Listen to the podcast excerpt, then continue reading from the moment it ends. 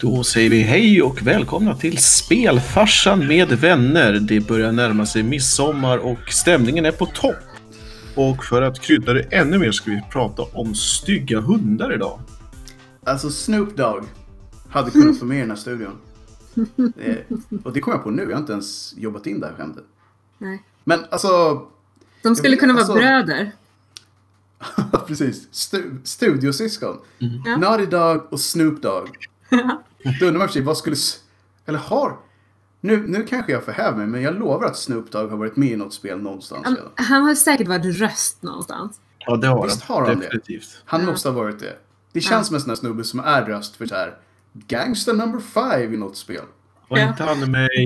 eh, Saints Row. ja. Kanske han var. Sen tänkte jag också, känns som ett spel han skulle kunna vara med i. 50 Cent hade ju ett spel, Mhm. minns ni det? Blood on the Sand. Det kanske var alla möjliga liksom, rappers med i det spelet, det är faktiskt ingen aning om. Men han har ju gjort allt. Hela, kolla upp det. hela gänget. Så att... Dr. Ja, Dre's alltså, hela, hela stall. Mm. Alltså, En wow, det a- spelet. En with attitudes. Ja men lite så, Mm. alltså, jag skulle köpa ett spel med Dr. Dre och hela hans crew. Jag också. Alla dagar i veckan. Utan att ens veta vad det handlar om.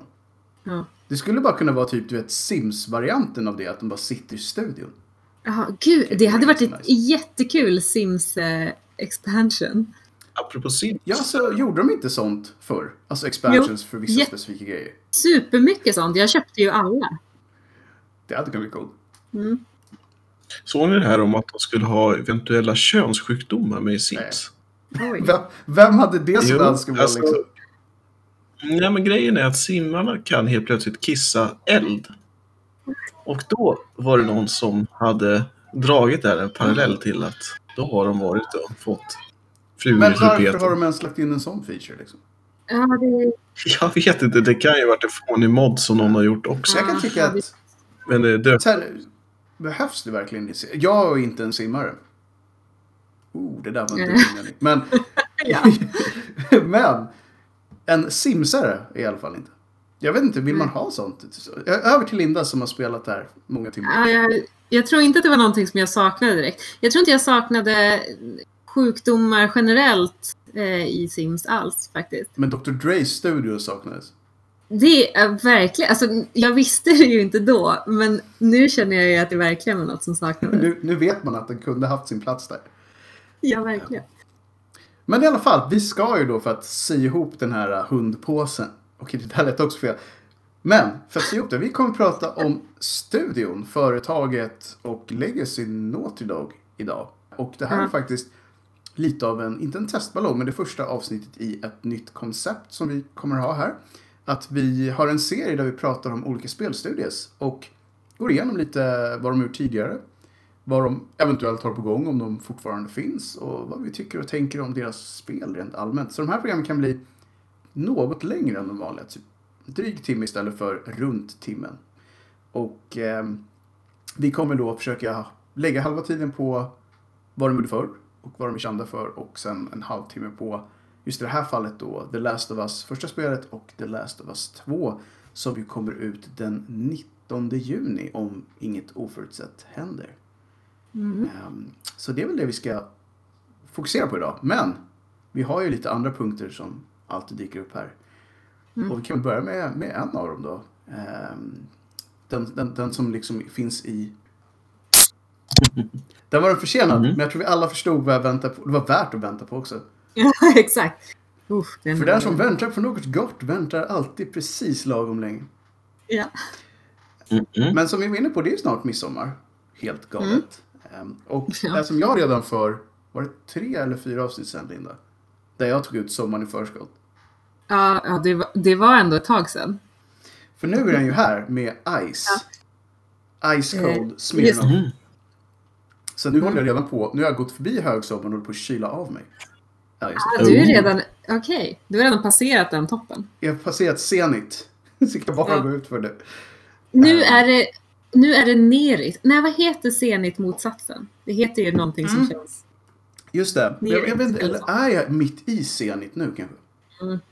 Jag tror det. Du är på platån, det, för som Sverige. mitt- precis, för midsommar har faktiskt inte varit än. Så Nej. limbo i, i Zenit-sfären. Ja.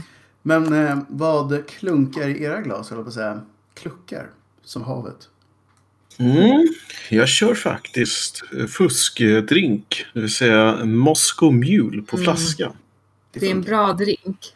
Ja, det är det. Mycket It bra drink. works. Works a treat, Mm. som man säger. Om jag ska vara lite sån så tycker jag nog ändå bättre om Stranger in Moscow. Mm.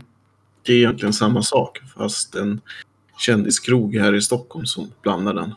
Blandade den? Är den fortfarande öppen? Dun-dun-dun. Ja, okej. Mm. Ja, då tror Vem jag. vet, nu är det. Så då är det bara en av oss som kör eh, ölcampet idag då. Ja, och jag har till och med förberett här eftersom att eh, jag aldrig har lyckats göra det här rätt. Så att nu har jag, har jag bjudit in en gäst. Ooh. Grunion. Ah, Så ska det uttalas. representing. Grunion. Säger vi- Googles eh, automatiska röst. har vi inte sagt så när vi har sagt det förut? Ja, jag har ju sagt Grunion eller... Eller Gröningen. För att Ja, exakt. Det har aldrig... Men nu vet vi. nu, nu vet vi vad Google vill att vi ska säga. Exakt. Men det känns bra. För då har vi delat upp oss lite. Vi har Smirnoff, vi har öl och vi har Mo- Moscow fast inte den bästa varianten. Så det känns bra. En, en, en mule i alla fall. En mule. Kick like a Mm. mule. Nyheter. Vad händer? Vad händer? Det är mycket som händer nu. Vi kanske ska fokusera på det första att det blir inget E3 i år. Sad times. Nej. Även fast vi typ förra året var de enda som verkade gilla E3. Ehm, de fick ju jättedåliga betyg och jag minns att vi satt och tyckte att det var ganska bra. Men jag tror att kanske det jag tycker är ju eh, att det är bra att det finns ett sånt event. Sen om eventet i sig är bättre ett år än det andra året, det må väl vara liksom. Men, Mm. men att de samlas på ett ställe och att man under liksom några dagar kompakt får all den här informationen tycker jag är ganska kul. Ja, precis. Sen så tycker jag också att det blir lite så här... Lite som... Det så här, finns inte så många jämförelser, men typ lite som julafton. Det är en, Mm. ett event, som du säger, som man så här, håller på ett gäng dagar och det finns tid att hinna prata om grejerna mellan shower. Mm. Istället för att så här, ja nu var den slut. Och sen så måste man vänta på... För nu har det blivit så istället att alla företag har sina egna shower. Och det är ju jättekul att det är många som försöker att ersätta E3 på andra sätt nu när man inte får ha massa sammankomster. Men det är lite svårare tycker jag som, em, som fan att följa med. För att det är ju nu är det ju massa olika tidszoner helt plötsligt och olika världsdelar och allt möjligt. Så att det hade varit jättebra om någon hade kört en typ recap show och streamat den vid något bra tillfälle så man hade fått typ allt samlat. Men man får väl eh, vara på de sociala medierna och följa alla företag man är intresserad av. Eh, Ja. Har vi, har vi några andra roliga nyheter som vi vill nämna? Ja, alltså eh, C- Remastern kom ju. Det är väldigt, väldigt bra balans på att man har eh, lämnat det som det ska, men att man har gjort eh, lagom av allt möjligt jox. Sen kan man, visst, det, det ska sägas att AI är ju lämnad intakt och den var inte alldeles för smart där. Eh, vad fasen det var, 93 eller när det släpptes första. Men, eh, men de har gjort ett fantastiskt jobb både med nysamplingen av ljudet, av grafiken, utav att de har lyckats skala upp videorna fast de inte hittade originalen etc. etc, etc. Så att det är en bit spelhistoria som man oavsett egentligen borde ta del av och mm, köra tycker jag i alla fall. Speciellt med tanke på att det kostar 19 dollar så är det inte så där fruktansvärt dyrt Tänkte heller. Att, fråga om priset. Det är ju väldigt bra. Alltså, så oavsett egentligen. Med tanke också på hur lite... ja, med tanke på att Reforge kostade var väl Mm. fullpris. Och dessutom att eh, det inte finns ju några mycket spel för den här genren heller. Så Nej, och som sagt att det är speciellt okej att det, eh, det första till Beer Dawn är väl sådär. Alltså, det är okej, men däremot alla som har en gnutta intresse av RTS ska ju ha spelat Mm. Red alert. Så det, är det ju bara. det är ganska svårt att beskriva hur stort det spelet var när det kom. Uh, numera, med tanke på till exempel Mm. cutscenes och sådana där grejer. Det är så självklart och nu nästan så här filmbudgetar. Men då var det... Det var typ bara det spelet som gjorde det. På det sättet. Men sen är ju charmigt också, just de här videorna är ju liksom, det, det är ju verkligen så här B-skådespeleri, men de är ju nästan så här halvt, så halvtuntiga så att de är kult också. Mm. Så att, Ja, ja, verkligen. Alltså Yeah. speciellt för, för de som kanske är i våran ålder och något yngre och något äldre så är det här väldigt mycket nostalgi. ja, alltså jag minns första spelet spelade jag på 486, alltså det säger ju lite grann om hur länge sedan det Den, faktiskt och de datorerna var pretty beast då. Men ja, vi kanske inte Mm. ska säga hur mycket om hur beast de hade varit nu för att det hade blivit sad. Men eh, kort och gott, eh, för en gångs skull har faktiskt EA lyckats med någonting hela vägen. Man har ju till och med gått så långt så att man ju släppt källkoden Mm. open source. Vad man säger? Ibland slår blixten ner två gånger. Ja. Ja, precis. Alltså, det är faktiskt, jag, jag, så här, jag, jag hade ju verkligen laddat med att jag skulle ha sågat där vid, vid alla fotknölar som existerade. Men nu kan jag inte göra Var det. Jag måste nu. ge er Du den här, hade velat tyvärr. göra det, eller hur?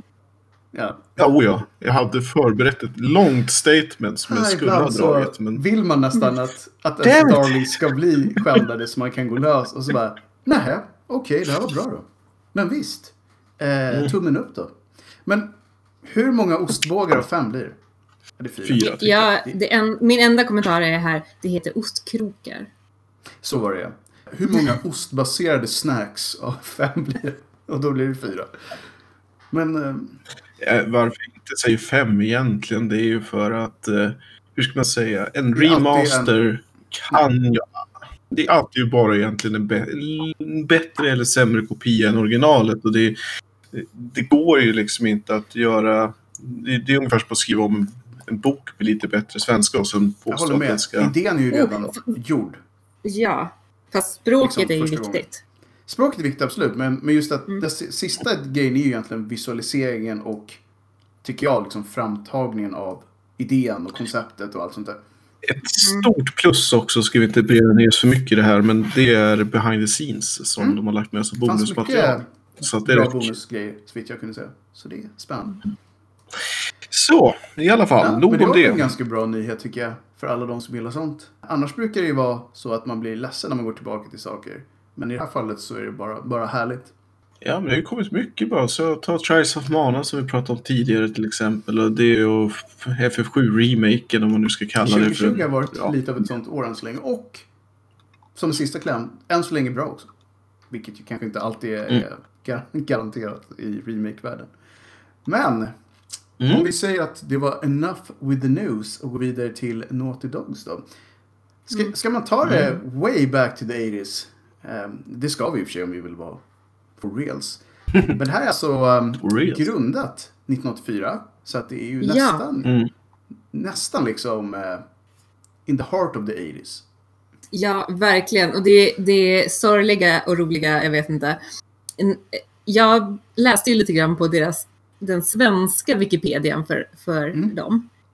Och på den sidan så står det att de grundades 1986. Well. Och då tänkte jag så här, ja ah, men vad kul, då var det i alla fall någonting bra som hände 1986. För det var ju liksom Palme, det var Tjernobyl, det var den här rymdfärjan som sprängdes. True. Eh, men sen när jag gick in på engelska sidan, då står det ju Mm. 1984 och då antar jag att engelska sidan har ju rätt. Så att inget kul hände 1986. Nej. Men Linda, hur var det här med Palme dåligt? Kan du Oh, förklara? Ja, exakt. vi, vi rör inte ens den, men vi bara låter den hänga där liksom. Bara, mm, Mm, just like that. Mm. Men 84 var det i alla fall. Um, ja, det var det. Och det var de två sköna utvecklarna Andy Gavin och Jason Rubin. Som Mhm. startade en liten indie där. Är inte det väldigt tidigt för att vara en liten indie där? För de kallade sig typ en indie Verkligen. där redan då. Ja, och det är, så, alltså det är så mysigt med de här två nördarna som För det är det ju verkligen. skapade den här, ja de är extrema nördar. Och eh, de döpte ju det till Jam, vilket Mm. också är gulligt.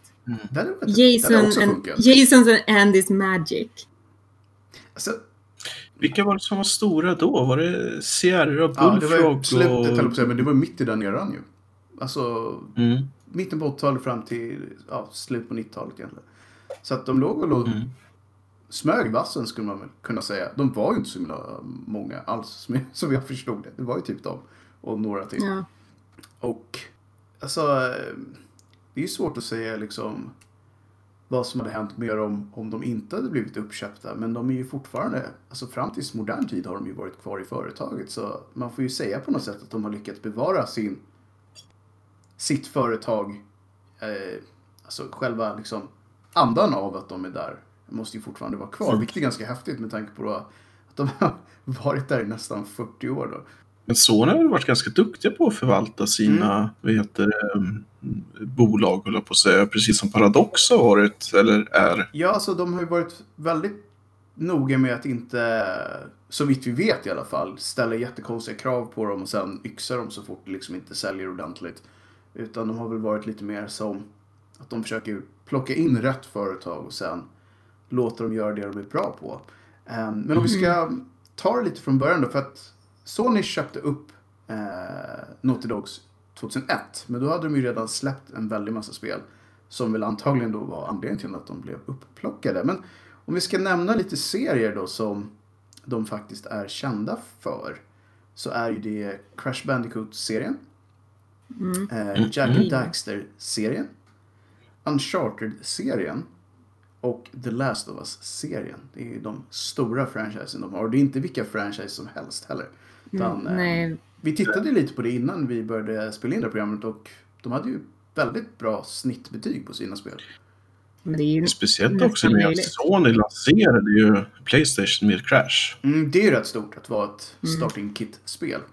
Det skulle ju vara deras Mario, även om det aldrig riktigt blev så. Nej, det får man väl ändå säga. Men det är inte direkt Det, det blev deras krav. Donkey Kong, typ. Ja, det skulle man ju nästan kunna säga. Och det är inte helt fel det heller. Det är det är ju inte ett Nej. litet franchise att tävla emot liksom. Men eh, om vi ska börja med Crash då. Har någon av er kört den serien i någon större utsträckning? Inte, inte i någon större utsträckning, men man har ju definitivt spelat det här spelet. Mm. Jag spelade lite Crash till Playstation. Jag hade en kompis som hade Crash. Vi spelade väl kanske inte riktigt hela spelet, men eh, dels där och sen den emulerade versionen i Uncharted 4. Mm. Ja, Eh, det här just kom det. ut eh, 96 kanske vi ska säga. Och de Mm. gjorde, de gjorde lite spel innan men ingenting som jag tror, om man ska vara helt ärlig, att jättemånga minns. Sådär. På rak arm. Och ingenting som Det- blev det- uppföljare av heller, så vitt jag kunde se.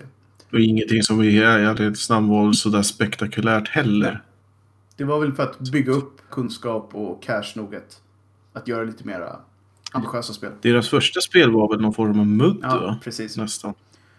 Men som sagt, Crash tror jag har, som alla andra, fått en, eh, en HD-upgrade i alla fall. Mm. Och det anses väl vara ett väldigt ett, ett svårt spel. Väldigt svårt spel till och med, om man kör på svåraste. Och jag har kört det lite grann bara. Jag har aldrig eh, klarat det. Så jag har svårt att bedöma om de där sista banorna är sådär otroligt jobbiga som alla säger att de är. Men det är många som har sagt det, så man kanske får, får ta dem på orden. Men det var väl också lite det att det var lite taskig spelmekanik i det hela. Så att det blev svårt för att kontrollerna kanske inte var helt klockrena Nej, jag har också. förstått det som att... Och det är också alltid sådär för att... Hade det här spelet inte varit en klassiker från ett stort företag så hade man ju kunnat säga så här, men kontrollerna var dåliga. Men så fort folk säger det nu så kommer det alltid in, du vet, ett gäng så här fanboys och bara De är inte dåliga, de är bara, kräver bara att man är bra. Att man, att Ja. man vet vad man gör. Att man har känsla i handen. så det är alltid så här. Det är alltid massa apologies som kommer in och ska försvara dåliga kontroller. Jag skulle vilja se någon säga det om det första Witcher. Ja, Att de var silky smooth, bara man visste hur man hanterar det. Bara, nej men det var ju skräp. Silky smooth va. Kom inte här och säg något annat. Men är inte det alltid lite lustigt att det finns inga dåliga spel hos de här företagen när det gäller fanboys? Jag tror till och med att de själva skulle kunna säga att ja, men vi testade med det spelet och de kontrollerna var inte 100% men vi, vi lärde oss sen liksom. Nej. Ja. Ehm, man kanske skulle, jag vet inte, är det här ett spel som, man, som ni tror att man borde köra om i HD eller borde man typ, med tanke på att varken, alltså ingen av oss verkar kört mycket, att man kanske då skulle hålla sig mer till en bra Let's Play av någon som verkligen gillar dem istället. Det tror jag, det gäller ett speedrun. Jag menar alltså det är ju inget unikt spel. Det är ju inte så att du kommer förgylla din spelvardag med ett, eh, något fantastiskt utbyte så sett, utan det är väl möjligen om du vill eh, återuppliva en klassiker fast Jag vet inte, det är ett generiskt plattformsspel. Det känns som, som till exempel Medieval till exempel. Mm. Det är också en sån där titel som nu kommer väl en remake eller en två eller vad det nu är. Och det var också så här på sin höjd ett mediokert 3D-plattformsspel som av någon anledning har fått någon sorts status. För man säger, Ja, fast jag, jag tror ändå att det finns en viss charm i det här spelet som kanske Mm. som man kanske kan uppskatta. Och jag tycker det är ganska, jag tycker det är kul med sådana här färgglada, härliga spel som går lite snabbt. Mm. Och, för det gör det ju. Det verkar ju gå väldigt snabbt. ja, fast. Mm. Ja, precis. och, och, graf, ja, och grafiken är ju liksom, just för att det är den typen av grafik så, så är man väldigt, väldigt förlåtande för att det inte är supersnyggt idag. Jag tror också, även om- att Sonic Just det, Sonic. Gillar Mm. man dem så Mm. kanske man och hittar den Infinity. Runners så är det ju liksom... Fast jag tycker ju Sonic var lite för snabbt. Jag tyckte aldrig om Sonic. Nej. Dun-dun-dun. Ja, nej, men det var mest den där kons- Så jag man hade ju inte den där var- konsolen som man var tvungen att ha för att spela det spelet. Nej, och dessutom, precis som du säger, jag tyckte det var så snabbt. Man hann aldrig se vad det var man såg på. Nej, Alltså så här, jag gillade ju banorna men man hann aldrig se hur de såg ut för att man hade typ inte tid med det. Om man körde bra så var man igenom på 30 sekunder. ja exakt. Och så hade man, ja precis. Man hade, man hade snurrat sig igenom och plockat en massa Fruit Loops utan att veta vad som hade hänt egentligen. Ja, och ibland var den där uh, Tails med och förstörde allt. Ja, Tails. Han var aldrig välkommen. Kom snurrandes med sin lilla svans och bara Mm. I'm sorry dude. Bara, sorry, jag har stått här i målet med Eggman i en halvtimme liksom. jag har väntat på dig. Vart har du varit? Ja, precis. För att knyta ihop Crash Bandicoot-serien då. Det kom ut ganska många spel. Jag tror, det var en, jag tror de själva säger att det är typ tre spel, men så vitt jag kunde se var det fler än så. Och det sista verkar ha kommit ut 2008. Mm. Mind over Ja. Mutant. Det är väl tre i huvudserien. Ja, Sen precis. så har de ju Racing- Racing och... eh, ja. Det kanske man ska nämna att Naughty Dog har en, en liten egen tradition när det gäller typ alla sina gamla serier. Att de gör alltid spin-offs i racingvärlden med dem. Och det känns, tror, är det också typ för att konkurrera med Mario? Alltså Mario Kart, tror ni eller? För att det känns väl som Mm. att det var lite så här. Det var ju typ bara Mario som hade sådana spel under en era. Det känns väl också som att de tävlade lite med Rare också. Att de ville testa och göra andra Mm. genrer och sådana saker. Just Mm. det. För att det kan jag säga, jag har aldrig kört. Alltså Crash Bandicoot racing-spel. Jag har Nej. sett folk köra dem. Men i de spelen är ju kontrollerna allt. I de dåliga så är ju spelet skräp, även om det ser bra ut. Men sen var det väl en era också ett tag att alla skulle göra ett fiffigt eh, racingspel. Precis som att alla skulle göra ett fiffigt sportspel ett tag. Ja. Ja, det var mycket, mycket tveksamma tennisspel som fanns där under, under en period.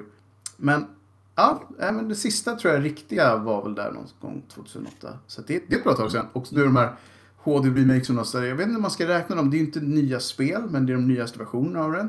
Och jag tror att det är ganska lätt att få tag i dem nu också på eh, olika ehm, streaming, höll jag på att säga, men uh, nerladdningsbara plattformar. Så att, Man kan väl summera det hela i att, liksom att Crash det är en bit spelhistoria. Mm. Och är man intresserad av genren så ska man nog ge sig kast med det. Annars är det väl som sagt Mm. en Let's Play eller någonting sånt. Precis. Mest för att förkovra sig lite i en bit av, av historien helt enkelt. Men ska man säga kanske under tiden då som, som eh, Bandicoot-serien rullade på som mest så sjösatte de faktiskt en annan serie som fick ett gäng spel. Det var Jack and Daxter. Och Mm. det var ju deras flört med, återigen skulle jag vilja säga, Super Mario på ett sätt men också kanske Zelda. Att ha 3D, lite free roaming värld med äventyrsfokus och mycket collectibles och så vidare. Och två karaktärer som interagerar och eh, typ försöka bygga Ja, lite, för det var ju lite då det var de här nya 3D-världarna som man kunde bygga. ja, precis. För det var väl exakt i den liksom, eran som det kom när man tog plattforms... Eh, när man bara springer från ena sidan till andra sidan till att göra det till 3D. Och alla vill ju ha en slice av den kakan. Det Ja. var ju verkligen så det var där ett taget. Även en del som kanske inte borde gjort det gjorde det. Men eh, Jack and Daxter hade ju inte haft några, två, några 2D-varianter tidigare. Så här var verkligen raka vägen in till den världen på en gång. Och det här är ju ett spel som jättemånga personer gillar. Ja. Och som jättemånga personer har väldigt så här, vad ska man säga, nostalgiska minnen av. Mm. Och, eh, jag tror att de har släppt det, det kom ju till Playstation 2 2001. Och de har släppt om det tror jag både till PS3. Eh, och då var det tror jag trilogibox. Men nu också passat på att göra det igen till PS4 i eh, tre stycken eh, egna kartonger. Och då passade de på att göra de fysiska versioner också. Där de återanvände eh, samma liksom, utseende på boxarna som de hade när de släppte det första gången. Så att det är för alla de som har eh, suktat efter att få återuppleva det här har man ju kunnat köpa det igen då. Och jag som aldrig hade spelat de här i någon större utsträckning passade på att köpa dem första gången. Så att jag har både Jack and Daxter, Jack 2 och Jack 3. Men har inte kört mer än det första av dem. Som verkligen var... Det känns lite så här, eftersom jag aldrig hade kört det när det kom. Då känns det som ett så adekvat 3D-plattformsspel. Med alla de positiva grejerna. Liksom att det är ett solidt spel. Och det är väl gjort. Och det är liksom, de visste vad de på med. Det, det är en stark trea liksom. Men man kollar runt på folk som säger som har kört det förut. Så är det så här, oh, det var magiskt. Fem av fem. Fyra av fem. Allt var härligt. Så att jag misstänker att det här bara är bättre. Om man har kört det förut. Och för mig så Ja. är det helt okej liksom. får man väl sätta det i relation till andra spel också om man tänker på betyg. Jag har ju alltid tyckt att Jack and Daxter har varit lite den fattiga kusinen till uh, Ratchet and Clank-serien. Mm. Men det är väl mycket så här personligt tyckande och tänkande. De är ju ganska snarlika i många aspekter. Jag tror att de sålde ungefär lika mycket också. Så här, äh, men det fanns väl som alltid, folk hade väl sina preferenser. Jag misstänker att det finns de som tycker att Jack-serien är grymma kanske inte har kört så mycket av den andra och tvärtom. Mm. Men eh, de hade i alla fall tre stycken klassiska spel i den här serien. Och sen så gjorde de återigen en, en racing eh, spin-off. Som jag, det var det enda spelet jag inte plockade upp när de släppte de här nu i fysisk form. Jag tänkte så att det är nog inte riktigt det här som är Jack and Daxter. Det här känns mer bara som så här, och racing. Och sen så, det är så här, nej, då köper jag hellre Mario Kart i så fall. Om man ska Ja. hålla på med sånt. Ja. Jag vet inte, jag tror aldrig att jag fastnade för det här spelet. Eller de här spelen. Alls faktiskt. Jag tyckte storiesarna var lite Nej. gulliga. Mm. Men här, som sagt, det finns av någon anledning så var de här all, aldrig riktigt mitt på radarn känns som. nej. Men, så här, man har hört talas om dem men om man inte kände någon som spelade dem så såg man inte så mycket Men det var väl för att det kom så många liknande titlar Mm. under samma era. Så att det drunknade väl lite grann i mig. Samtidigt, i och med att de har släppt tre så måste det ju ändå ha gått rätt okej med försäljning och sådana saker. Ja, precis. Men det är väl säkert som du säger att de liksom man ska tävla lite med Rare när de var som bäst på sånt där och lite på Nintendo som alltid har varit bra på det där. Så det här kanske var folks tredje, fjärde val liksom. Och då är det inte det man hör om först och främst. Nej, men sen var det väl också de som satt på Playstation-konsolen hade ju Mm. inte riktigt samma valmöjligheter och sen också på den tiden var man väl dels av ekonomiska skäl men sen var det inte lika vanligt att man satt på ett par tre olika konsoler heller utan man Nej. fick välja sitt val och så körde man på det. Var det någon av er som hade en PS2 specifikt? Ja. Som liksom den enda konsolen man hade? Ja, Nej. och PC då i och för sig om nu fast ingen Ja, konsol. nej, just konsolmässigt. Men tänkte, då måste du ju ha hängt med lite dudes som hade det också antar jag? Nej, alltså just under PS2-eran så var det... Ja, i och för sig, men den enda övriga personen, på säga, som jag kände just då som hade en PS2, det var, där var det ju bara JRPG för hela slanten. Ja, okej. Så vi det- spelade egentligen aldrig plattformsspel i någon utsträckning överhuvudtaget under den eran. Nej. Det var mest jag då som plockade upp lite, vi har ju pratat tidigare om till exempel SSX och Mm. lite av den här typen av spel. Då. Ja, det fanns ju väldigt många bra spel till PS2. Men Ja, oh, ja. Då är det väl kanske det som också att man kanske inte hade den crowden runt sig. Som körde Nej. PS2 så mycket. Eller åtminstone inte de sortens Ja. PS2-spel. Nej, och sen är det som du sagt, det är, i ärlighetens namn så var det inte särskilt mycket plattformsspel. Inte för min del på den tiden. Nej, jag var, jag var djupt inne i JRPG-eran just då. Ja, nej, men jag tror inte att man köpte en Playstation för att spela plattformsspel.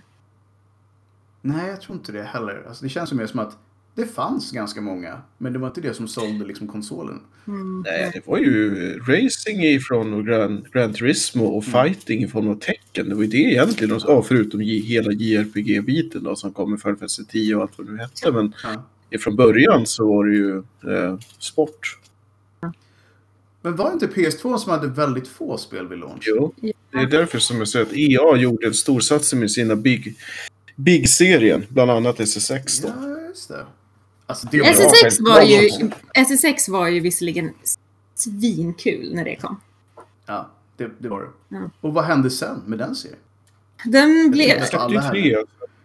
Ja, och det var ju bara. SSX Tricky som jag tyckte var kul. Det var i och för sig bra. Mm. Men, men alltså, de får gärna mer, mer sånt tack till alla de där ute som håller på med. Tony Hawk Skateboarding 3. Mm. Ja, Precis. det var faktiskt Och också de kul. skulle väl köra en... Snacka om att de skulle göra en remake också. Av Japp, det var missade vi nyheterna. Tony Hawk 2020. Mm. Så att där, den kommer vi ju prata om när det kommer. Oh yes. Och det är också Eh, en remake. Ska jag säga. Precis. Och... Nej, men jag hoppas att det blir bra. Bara, Det, det, det är en korta version av vad jag tycker om det spelet. Jag hoppas att det blir bra. För att jag tror många har bra minnen av det Men spelet. självklart ska man ju säga att PS2 hade ju en enorm bredd av spel. Alltså det kom ju verkligen allt till den Ja. konsolen. Förutom Mario i princip. Och den levde väldigt länge också. Ja, det gjorde den. Så att de Verkligen. de, hann få, ut- de hann ju ut väldigt mycket spel även alldeles i slutet av den. Så att de, jag tror de utnyttjade den, den generationen extra mycket.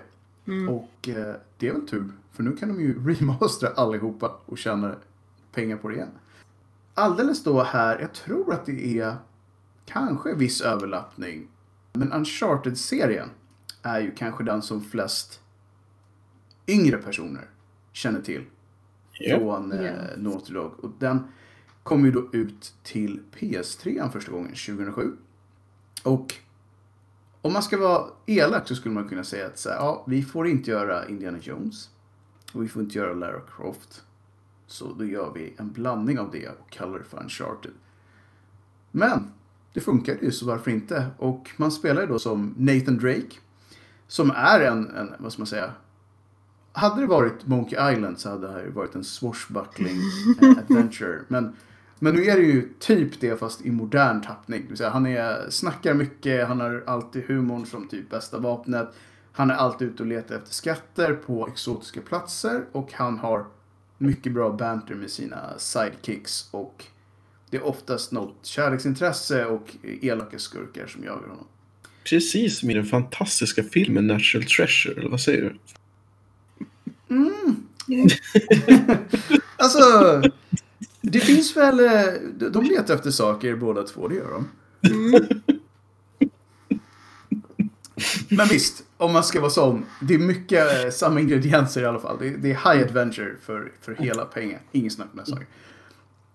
Och eh, den här spelserien har ju eh, fått nytt liv även på senare konsoler. Eh, det finns som en samlad ettan, tvåan, trean i en box som är HD-remaken. Och eh, det är den som jag införskaffade och väldigt, väldigt bra värde för pengarna. Det är, det är tre väldigt bra spel. Fyran anses ju också vara väldigt, väldigt bra, men av någon anledning så bandade de inte in den i den här boxen. Jag vet faktiskt inte varför. Vad tycker du att den stora skillnaden är mellan Uncharted och eh, eh, Tomb Raider? Jag skulle säga att den stora skillnaden är väl att det är ett ensemblespel mer, Uncharted. Även fast man ofta spelar som Nathan Drake så är han ju väldigt sällan ensam. Han har oftast någon med i cutscenesen, det är ofta någon han pratar med. Och liksom de gör, det är oftast äventyr som de gör som grupp. Lara Croft är oftast väldigt mycket så här, jag är ute och letar efter saker ensam liksom. Och gör nästan allting på egen hand också. Eh, Sen spelmekaniskt är det väl ganska mycket likheter. Det är ju liksom cover-based shooting på många, eh, eller väldigt mycket sånt är det. Och sen pussel. Och eh, jag skulle säga att det är väl kanske liksom just att det storyn också bygger ganska mycket på humor. Och eh, personen runt omkring. Det skulle jag säga är den stora skillnaden på det och, och Tomb Raider. De nya Tomb Raider-spelen kanske är något, vilket också är lite humoristiskt då för att de kom ju efter Uncharted-serien, flera av dem. Att de kanske kopierade Uncharted i sin tur. och hade mer av en ensemble av karaktärer runt Lara Croft. I dem, just för att få henne att bli mer mänsklig, tror jag. Och det var ju också då de kom på att man skulle göra henne human-sized och liksom som en riktig person. Och i första remake-spelet av Lara Croft så var de ju också ganska elaka och liksom fick henne att råka ut för alla möjliga olyckor och typ fick något, någon gren genom magen och allt möjligt. Bara för att ta ner den här uh, superhero-grejen som de hade i tidigare spel tror jag. Så att om man gillar äventyrsspel och action, är det. Gillar man den och är okej med att det liksom är otroliga stories. Det är ofta så här. Vi hittade en konstig karta i en nazi-ubåt i Amazonas och nu ska vi ut och hitta den glömda kolonin från typ 1700-talet som är gömd där. Där de hade guld och gröna skogar. Liksom. Alltså det är mycket sånt. Och gillar man inte det så är det här inte en serie som man borde bry sig om alls. Men tycker man om äventyrsgrejer så är det ju, då är det väldigt bra. Sen så är det ju också, alltså det är ganska lättsmält.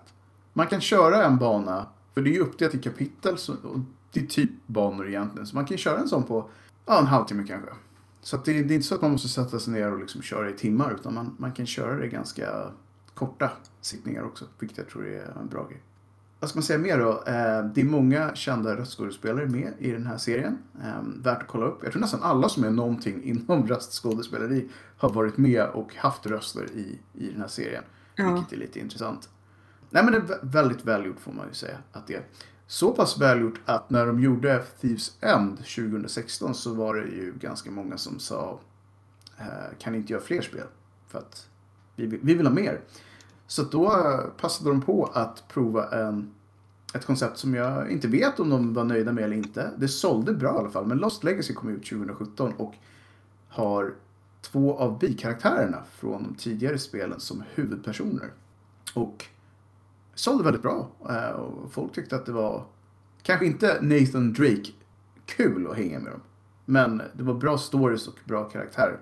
Så att jag tror absolut att de skulle kunna göra fler sådana spel om de vill. Det, det känns för mer som att tid och eh, resurser och kanske lite också vad Sony eh, tycker om det. För som vi nämnde så blev ju då Naughty Dog uppköpta eh, 2001 och ägs numera av eh, Sony. Även fast eh, Andy och Jason fortfarande är kvar i företaget. Jag vet inte alls hur den dynamiken fungerar. Och det tror jag aldrig de riktigt har nämnt heller. Alltså hur självständiga de är. Om de får bestämma vilka spel de vill göra. Eller om det är så här att Sony säger kanske så här, men det, vi ser gärna att ni gör fler från den här och den här serien. Det är faktiskt ingen aning.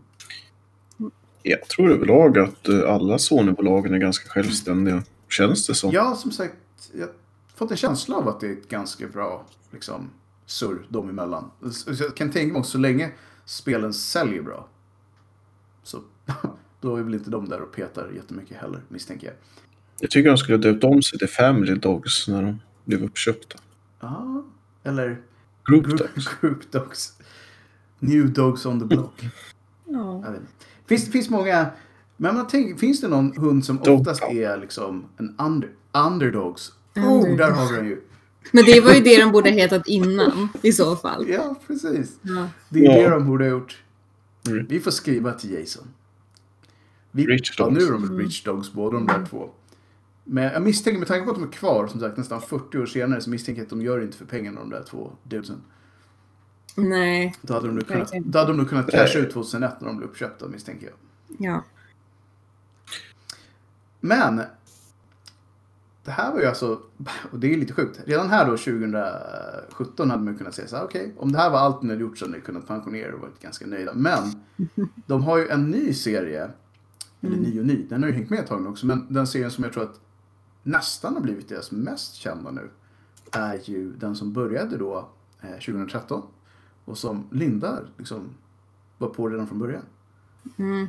Så ja. att jag lämnar över ordet där. Bara, Det här var ju verkligen right up my alley. Jag älskade ju det här.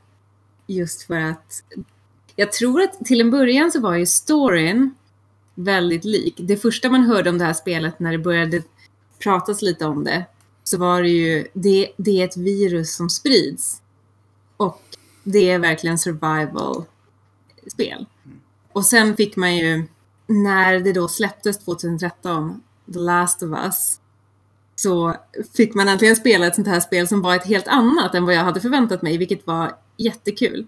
Och det är ju, det är ju ett actionspel, ett äventyrsspel, men också med lite så här, jag vet inte om man ska kalla det för övernaturliga inslag, men, men det är ju någon form av det. Ja, det är det ju absolut. Eh, och som du säger, alltså när man hör pitchen så bara det är virus, det är postapokalyptiskt, det är typ Ja. kanske zombies, fast det inte var så här, okej, Resident Evil. Ja. det var ju det man tänkte. Ja. Men det var ju verkligen inte det. Det var Nej. det som var så häftigt. Det var en helt egen grej. Ja, och det var det verkligen. Jag tror att just för att det man kanske hade saknat i sådana här spel tidigare, det var ju en, en väldigt fin story. Mm. Och det fick man ju verkligen, Verkligen. därför att den här dynamiken mellan... Det bör, hela spelet börjar ju med att, att eh, eh, en pappa och hans lilla dotter som är i någonstans i 12-årsåldern firar pappans födelsedag. Och när de går och lägger sig så bryter ju kaoset ut. Och Mm. Helt plötsligt så börjar det spridas ett virus som ät, i princip äter upp människors hjärnor och gör dem till Till galna... Ja, ja, exakt. Det är ett svampvirus som sätter sig på hjärnan. De, alltså, det- är verkligen, eh, just när man börjar mitt i, alltså i vanliga fall så har det ju redan hänt. Alltså Mm. ofta är det så här, okej, det, det är postapokalyptiskt och liksom så här, shit gone down. För länge sedan. Här är man ju faktiskt med när det händer. Mm. Det händer och det det har vi pratat om i, även i Resident Evil-programmen, att det här är ju faktiskt två helt, alltså det är ju helt vanliga personer. De här, Mm. de här är inte några actionhjältar, de har inga speciella jobb. Utan det är egentligen bara en familj som försöker överleva Mm. eh, ett virus, stort virus, liksom. De vet inte ens vad det är, men någonting med virus har drabbat hela samhället. Och de försöker bara ta sig ut levande egentligen. Ja, och det tragiska är ju att när de försöker ta sig ut, de bor ju i Texas. Och det, det är ju också en, en kul grej i det här spelet är att man verkligen, det, det utspelar sig över väldigt, väldigt lång tid och man tar sig väldigt långt till fots eller till häst. Men när de försöker fly då från sitt hem i Texas som håller på att bli invaderat av de här äh, människorna som är infekterade så Mm. blir ju faktiskt dottern skjuten och dör i början. Och så börjar ju hela Dessutom spelet. av en soldat som typ egentligen borde skyddat dem. Exakt. Så det är Men hon en, blir skjuten i ryggen här för mig. eh, Och dör ju. i, i Eh, Och det är väl också väldigt armar. ovanligt. Mm. Eh, Att de, alltså barn i spel, och det har vi ju pratat om i flera olika avsnitt, att oftast gör man det inte alls. Så här, barn är ju väldigt sällan med i spel och är de med så är det i stort sett aldrig någonting som händer dem. E- Eller så är det inte- de som är det onda. Ja, om det är japanska skräckspel så är det de som är onda. Men, Ja. men annars brukar det också vara så att man kan inte göra någonting med dem. De är där. Eh, man kan aldrig, aldrig egentligen skada dem. Det är Nej. liksom den oskrivna regeln. I många väster, västerländska spel i alla fall, kanske man ska säga. Men här så går de rakt på eh, och faktiskt tar livet av den här stackars eh, tjejen på en gång. Mm. Och det präglar ju egentligen resten av, av, av storyn, skulle man kunna säga. Ja, det är verkligen. Och hela, spelet utspelar ju sig 20 år efter att det här har hänt. Mm. Och, och pappan är ju då någon slags, jag vet inte, vapenhandlare som det har gått lite snett för. Och han... Det skulle man kunna säga. Han har, som man säger, levt rough. Som man Ja. säga. Ja, Eh, han är inte en bum, men han har haft bättre dagar. Han ja var väl verkligen. typ någon slags, inte riktigt mörk, men åt det hållet. Så Ja, här. ja Jobbar verkligen. i stan, liksom. Odd jobs här och där. Ja, Eh, och smugglarvapen Typ mellan... Smugglare. Ja. Så att redan där får man säga, ja, då kanske man inte är, Nej. man är inte som alla andra. Nej. Men, men hela, hela USA då, som det här egentligen bara utspelar sig i, är ju liksom indelat Mm. i så här karantänszoner. Så att man, man tillhör ju Mm. en karantän och så ska man inte lämna den. Det, är- det är ju väldigt läskiga likheter med världen idag. Ändå, på något sätt. Alltså, Mm. det är lite läskigt, men det är faktiskt sant. Alltså Ja. just det här med curfews och Ni menar på att Sverige blir en karantänzon och Alltså, resten av Sverige blir världen dansar vidare. Ja, exakt. Fast Sverige blir typ karantän by proxy för att alla andra stänger, stänger oss. Precis, det är ju det som blir kvar liksom. Men, Men det är faktiskt ganska, ganska nu när du säger det, det är mycket likheter i liksom setupen. Ja. Med ett stort virus och typ folk blir rädda och sluter sig inåt och sådana grejer. Men här har det ju då gått käpprätt åt skogen 20 år Ja. senare. Så USA finns ju typ inte kvar om man ska vara helt ärlig. Nej, nej, det är ju bara små fraktioner och, och den största av de här är ju den här Fireflies då. Och pappan får Coolt ju... namn. Mhm. Verkligen. Lika cool som serien Firefly. So good. Mhm. Men, det, men det är en helt annan show. Ja, det är helt Mm. eh, Men pappan får ju då, i och med att han har eh, lyckats ställa till det där med sin vapen, sitt vapensmuggleri där, så får han ju en chans att ställa allt till rätta genom att eh, smuggla då en liten tjej som heter Ellie Japp. till, till de här Firefly och deras medicinska laboratorium. Där hon, Alltså, ska man vara helt ärlig så är hon verkligen så här the teeny teen. ja, verkligen. Alltså det är inte en, en så här, vad ska man säga, det är inte, det är inte en spak liten figur. Nej. har ganska mycket åsikter om typ allting. Jag Ja. tyckte de fångade hela tonårsattityden väldigt Ja. bra i henne. Verkligen. Det, det är ju det som är en, en stor del av det här spelet är ju också verkligen dynamiken mellan Joel och Ellie. Och hur, hur de bråkar och blir sams och inser hur mycket de betyder för varandra på väldigt olika sätt genom sin resa. Det, det är en väldigt Alltså- fin story, djup liksom, som man inte kanske förväntar sig av sådana här spel. Den är ganska brutal också. Alltså det var Ja. det som jag reagerade på när jag körde. Alltså så här, man har sett mycket skräckspel. Ja. Och vi vet ju alla vad vi tycker om det. Så här. Men den här, alltså redan i, i första spoilers. Men kom igen. Om ni inte har kört det här så... Nej, då, då, Men redan, det är liksom redan det första uppdraget när man letar efter ett gäng vapen som en person har sålt av. Deras vapen sålts av till någon annan som visar sig vara då, jag tror det var Firefly som hade sålt till. Ja, Eh, då jagar man ner den här personen som har gjort det och typ torterar den människan. Bryter armen på den väldigt eh, grafiskt. Mm. Och man hör verkligen också att de gör det. Och sen avrättar man den här personen. ja, det är ju Tess då som är eh, Joels Kompanjon. partner in crime. Ja, Mm. som hon skjuter ju den här killen. Ja, verkligen. Och det är liksom inget Utan- så här, ja, han hade det liksom, han var på gång. Nej, hon skjuter bara honom. Ja.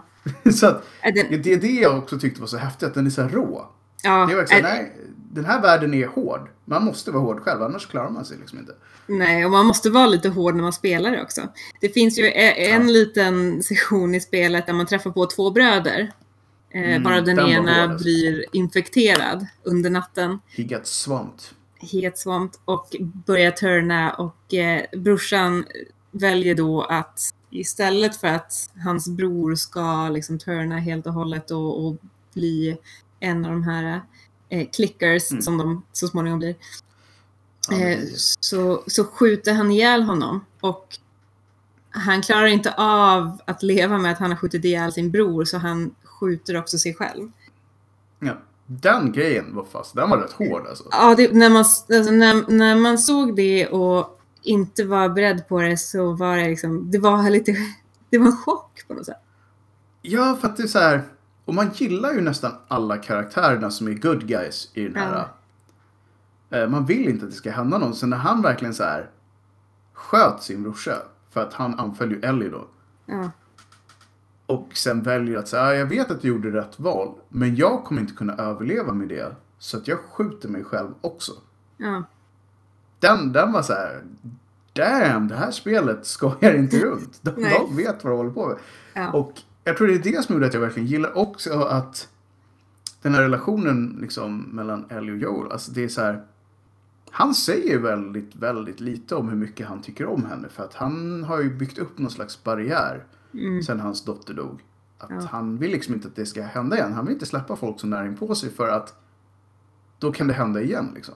Ja, Samtidigt så, så är ju typ det hon verkligen behöver är ju att höra att någon bryr sig om henne. För att hon hintar ju flera gånger om att alla lämnar alltid mig.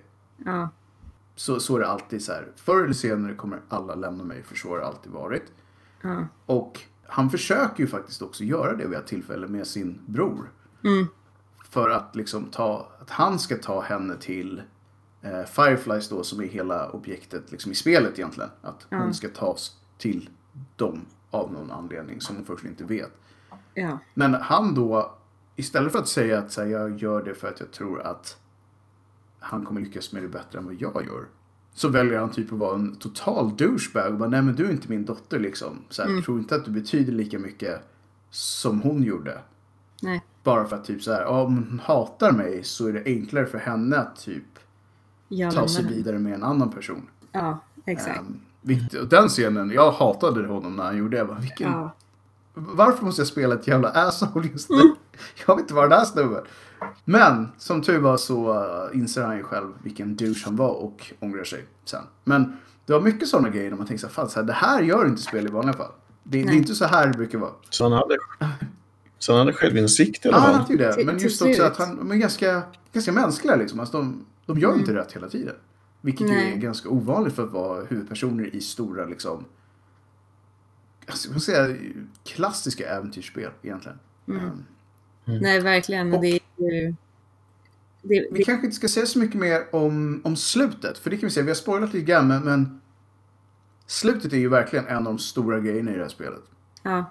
ja, och där Och- får man verkligen fundera på liksom, vad, vad Mm, känner de finns, för varandra? Det finns, ja, och vad känner man kring slutet överhuvudtaget? Det är inte helt...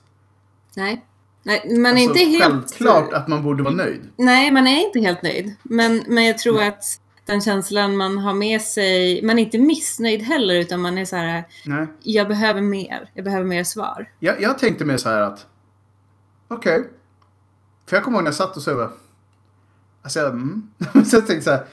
Man får se det från den personliga synvinkeln. Alltså de här personerna. Deras interaktion med varandra och deras motivation att göra de här sakerna överhuvudtaget. Ja. Om man förstår den så kan man nog säga okej det här var ganska logiskt att det skulle hända. Mm. Men rent nödvändigt var det bästa. Så den är inte helt, eh, är inte helt enkelt att svara på. Nej. Och som du säger, jag satt så här. Kan de göra mer här nu? Mm. Så bara, ja, det... Hur exakt? Oklart. Men ja, det är klart att det går. Först sa de i och för sig att de inte skulle göra en uppföljare. Men det är väl klart, det är svårt att inte göra fler. När det säljer så bra som det gjorde och när det, det är en hel värld. Liksom. Man kan göra massa äventyr. Man hade ju inte ens behövt göra fler liksom, spel med de här två heller. Nej. Nej. Eh, vilket är coolt. Men då kommer vi ju in på den sista punkten här. The Last of Us 2. Som ju faktiskt kommer ut den här månaden, den 19. Eh, Ganska hypat skulle man kanske kunna säga att det har hunnit bli. Jo. De har, Verkligen. man har släppt lite trailers. Och det är det enda som jag har... De säger inte jättemycket. Och jag såg även, de hade eh, lite gameplay. På Mm. de, här, de har ju, Sony har ju en show en gång per månad där de visar olika spel. Och då fick man se, jag tror det var 10 minuters gameplay eller något sånt där. Som de Ja. inte hade visat tidigare. Det såg galet snyggt ut. Ja, ja verkligen. Och, och, och det är så roligt att hon ser ut som sig själv fast lite äldre. Ja, det har gått fem år som jag förstår Ja. det. Så att det borde väl betyda att hon är vad är det, 18, 19 eller något sånt där. Ja, något sånt. Men hon, och det är många som reagerar på, hon är otroligt mycket mer brutal i det här spelet. Hon avrättar folk åt Ja. höger och vänster och ganska vidriga sätt också. Eh, och liksom verkar ha blivit en väldigt mycket hårdare person och av det man har sett som har visat då, så det här borde inte vara spoilers för folk som har följt det, är att hon var, och det hintade de kanske redan om i första spelet, hon är ju eh, lesbisk och Mm. hade en relation med en annan tjej. Som kanske blir mördad i det här spelet, det vet vi inte riktigt. De har klippt de där filmerna på ett sånt sätt som man inte riktigt vet vad som händer egentligen. Någonting händer i kolonin där de bor i början som inte är bra. Så mycket kan man nog vara rätt säker på. Och resultatet blir att hon är ute för att hämnas på någonting. Vi vet ju inte riktigt vad, men någonting. Nej. Och folk dör ganska mycket på grund av det. Det är väl typ det man kan säga. Och även eh, Joel verkar vara med på ett hörn. Vi vet inte riktigt i vilken roll heller. Nej, han har man inte alls fått se lika mycket av. Förutom att han också ser Nej. äldre ut. Ja, Nej. han var väl, måste väl redan varit närmat sig liksom, mellan 45 och 50 redan i första spelet misstänker jag. Ja, jag tror det också. Ehm, Men borde man borde ju ha en- vetat, för det var ju hans födelsedag där. Ja, just det, just det. Men ja, Nej, men jag hans, miss- hans dotter var ju 12, 20 år när hon innan ja. liksom. Själva. Precis. Så att han, han är väl en spry, spry old Ja, jag tror att han borde ju vara Antar 60 jag. typ. Ja. Han kan vara så här riktig silverräv. Ja, alltså. men han är säkert Eh, stilig. Men vi får väl se. Det har ju varit, varit lite rykten om, om alla. Men med allt det sagt så tror jag det bästa, bästa man kan göra tror jag om man är, är sugen på det är att bara försöka läsa så lite av det som möjligt och faktiskt bara köpa spelet. Ja. För att om man inte vet om alla rykten och liksom vad folk tycker och tänker och utgår ifrån så kanske man kommer undan. Eh, och inte ser alla de här uppenbara, vad det nu kan vara för någonting. Om det nu finns något. ja. Så att jag, nej. Jag hoppas att det blir... Alltså jag vet inte ens vad jag ska hoppas på. Alltså första spelet var så, så galet eget så att... Jag hoppas bara att det blir mer av samma. Alltså så här... Och mer av samma mening så att mer av att man inte kan ta något för givet. Att det är en jättebra story. Och att man sitter där efteråt och inte riktigt vet vad man ska tycka Ja. kanske. Så här, shit. Nej, Det vore kul. Eh, Man, det är verkligen sånt man gillar i spel. Om man, om man bara spelar igenom ett spel utan att liksom, man märker inte ens att tiden går, man bara spelar och sen slutar spelet och så vet man inte ens om man är nöjd eller missnöjd eller vad man känner för det. Då har det på något sätt träffat någonstans och det tycker jag är, sånt är ju så kul. Ja, jag, jag hoppas verkligen att det... Vi eh, var inne lite på det, men, men det här kommer ju som sagt ut nu. Och som alla vet så har ju PS4 fortfarande inte tackat för sig. Så det här blir ju då antagligen ett av de sista riktigt stora spelen på PS4. Men eh, till jul så kommer ju PS5. Och vi är väl alla härdade nog att misstänka att det kommer komma en, en version av det här spelet till PS5 som är bättre på Ja. alla sätt. Än, än det som kommer komma ut nu nästa vecka. Det vore ju oerhört korkat Så vad tror ni? Är det värt att... Verkligen. De, de är inte dumma på det sättet. De, de brukar veta mer De kan cash. business. Tror ni att det kan vara värt att vänta om man är en casual fan? Eh, Mm, det tror jag nog. jag vet inte. Eller, liksom, eller också, om man nu mot förmodan kör nu. Kan det vara värt att köra om det redan om ett halvår? Kan det vara så pass bra att liksom, alltså grafiskt mycket bättre, att ögongodiset liksom är värt att uppleva? Man har ju sett en del tech-demos på PS5 och det är ju Ja. snyggt men tror ni inte att det här Alltså, spelet kommer krama ut det absolut sista ur PS4? Det beror lite på. Om man säger så här, om du spelade till exempel Red Dead till PS4 först. Mm. Var det värt att plocka upp det till PC bara för att få bättre grafiken ett år senare? Ja, jag förstår vad du menar. Om man säger ja på den frågan, då skulle det väl vara samma svar här. Ja, det var faktiskt en väldigt bra jämförelse. För att det är nog ungefär så. Det var ett snyggt konsolspel och ett ännu snyggare PC-spel. Och Ja, vi vet ju fortfarande inte vad, vad prislappen landar på. PS5. Nej, precis.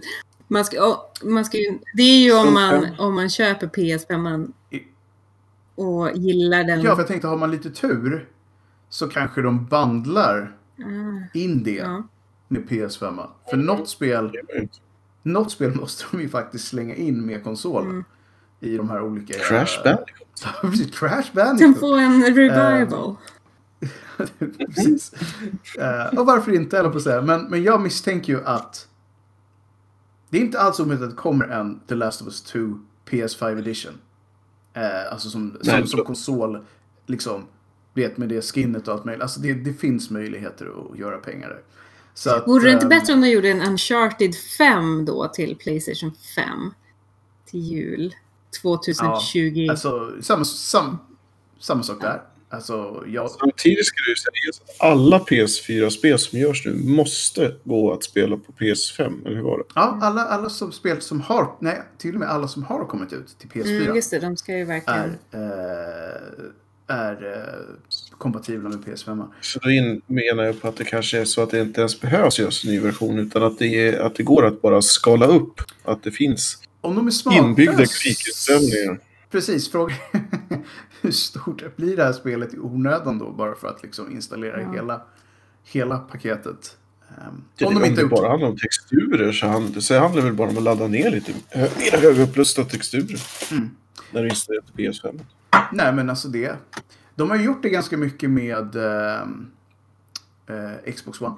Hade ju massa, att de släppte massa HD texture packs till massa spel som man kunde dra ner. Och det är inte alls omöjligt att det kommer bli samma sak här och att de bara så här känner av vilken, vilken konsol man sitter på och eh, anpassar installationen efter det. Det är inte alls omöjligt. Och Jag vet inte, jag, jag tror nog att jag kommer ha svårt att hålla mig hela vägen till jul. Alltså, jag det. skulle säga så här. Om nu vet man ju inte det här, men om storyn är lika bra Mm. och lika härlig att vara med i eh, som det första Mhm. spelet så skulle jag absolut inte vänta. Därför att jag, då vill jag inte höra för mycket om det och jag vill inte att det ska pratas om det för mycket. Så att jag vill, vill Man kunna vet ju att uppleva det kommer bli spoilat. Exakt. Och jag tänker Mm. att Last of Us 2 kanske, beroende på hur länge den riktiga IRL-pandemin fortsätter, så kanske The Last of Us 2 Precis. kommer vara en fantastisk eh, kompanjon genom sommaren. Precis. Men vi skulle väl kunna, ska vi lova att vi lägger lite tid i något kommande program på när vi har kört det här Mm. spelet. Att gå igenom vad vi Mm. tyckte. Som Mm. en, en uppföljare. Kanske något program där vi har lite fokus just på The Last of Us Mm. 2. Bara för att, för att se om de levererade. Ehm, för jag tror nog att vi kommer alla att uppleva det här spelet på något sätt, tror jag. Ja. Antingen via Vi Let's skulle Play eller... vänta med det programmet till jul, nyår där, för då skulle det kunna bli The Last of Us 2020. Ah, ja, men det är en bra idé. Vi, vi, innan året är slut är vi tillbaka med The Last of Us igen. Ehm, det här börjar ju närma sig slutet för idag. Mm. Vad ska vi säga då för att knyta ihop den här första djupdykningen i en studio? Överlag har väl Naughty Dog gjort ett ordentligt bra arbete sedan 84. Alltså, Oh ja. Det är många bra spel. De har inte egentligen djupdykt heller någon gång. Nej. Och liksom, de är fortfarande relevanta. Väldigt relevanta just nu. Um, Mm. Remakesen har väl överlag varit ganska okej. Och det, om man ska vara så här helt ärlig, så länge de ägs av Sony och levererar så känns det väl som att de har en ganska ljus framtid också. Ja, man har väl aldrig hört några skandaler om dem heller. Nej. Alltså det har varit, det har varit väldigt så liksom, inte som Rockstar eller någonting i den stilen där har. Nej, de har pratat mycket om hur, hur jobbigt det har varit att jobba där och personalmässiga skäl och sånt där. Mm. Utan det här verkar ha varit ganska solidt överlag. Så att, Mm. bra jobbat Andy och Jason får man väl kanske säga. Mm. Ja, Och eh, bra jobbat Sony att de köpte det här företaget också. För att det har de nog tjänat ganska mycket pengar på. Eh, ja. säkert. Ska vi avsluta med det vi brukar ha? Om vi har någonting som vi rekommenderar att man sätter tänderna i, i, i ensamheten i coronatid när man sitter och vill spela någonting. Vad, vad har vi för rekommendation? Jag antar att spelfarsan rekommenderar ett spel som nämndes lite där i början kanske? Mm, ja. Spela Command and Conquer. Det, det är aldrig fel liksom. Det, även om man har spelat 14 gånger tidigare så det tåls att Can't göra go sig wrong. igen. Linda, har du något som Eh, vill pusha lite för? Ja, men jag har väl det kanske. Jag har inte riktigt tagit mig igenom mina maj-spel ännu. Men jag har redan börjat snika Mm. lite grann på de som släpps i juni. Och jag har inte hunnit snika så himla mycket, men jag hittade ett spel som jag tycker verkar ganska mysigt som heter The Almost Gone. Som eh, är något form av pusselspel som är extremt Mm. fint. Väldigt simpelt. Men extremt fint och färgglatt, men med en väldigt mörk underton. För att det handlar väldigt mycket om Mm. död och eh, sorg och mental hälsa och så.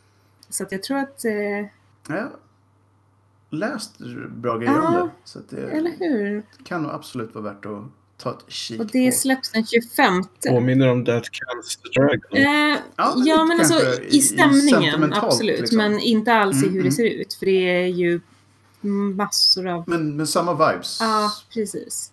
Skulle man kanske kunna säga. Mm. Jag tänkte faktiskt eh, dra till med ett, ett spel som kommer få uppföljare. Vi pratade lite om det i ett annat spel, men Deadly Premonition. Ah, ja. Som jag eh, passade på att damma av på PC för ett tag sedan. Bara för att se om det var lika wacky och eh, Twin Peaks som jag hade för mig att det var. Och damn, det var det! Det var exakt lika konstigt fortfarande som det var när det kom. Ehm, det är ett bra spel. Alltså det är väldigt speciellt, men det är ett bra spel. Det är så häftigt. Så att, Mm. om ni gillar Twin Peaks, om ni gillar lite horror, om ni gillar japansk... Jag säger bara japansk. Om ni gillar japansk och alla de där andra grejerna så är det definitivt värt att testa. Jag håller med. Och med det så är vi ganska nöjda för idag. Vi hoppas ju såklart att vi, eh, ja, eh, alla är nöjda även om en vecka eller så. När vi vet hur det här spelet blir som vi väntar på just nu. Men eh, tills dess får ni väl, som vi har sagt några gånger, ta det så lugnt som man bör. Mm. Hålla avståndet och trösta er med så mycket gaming som ni bara kan. Och med det säger vi väl tack och hej för den här gången och på återseende. Hej hej! Hej hej! Yes, tack och hej.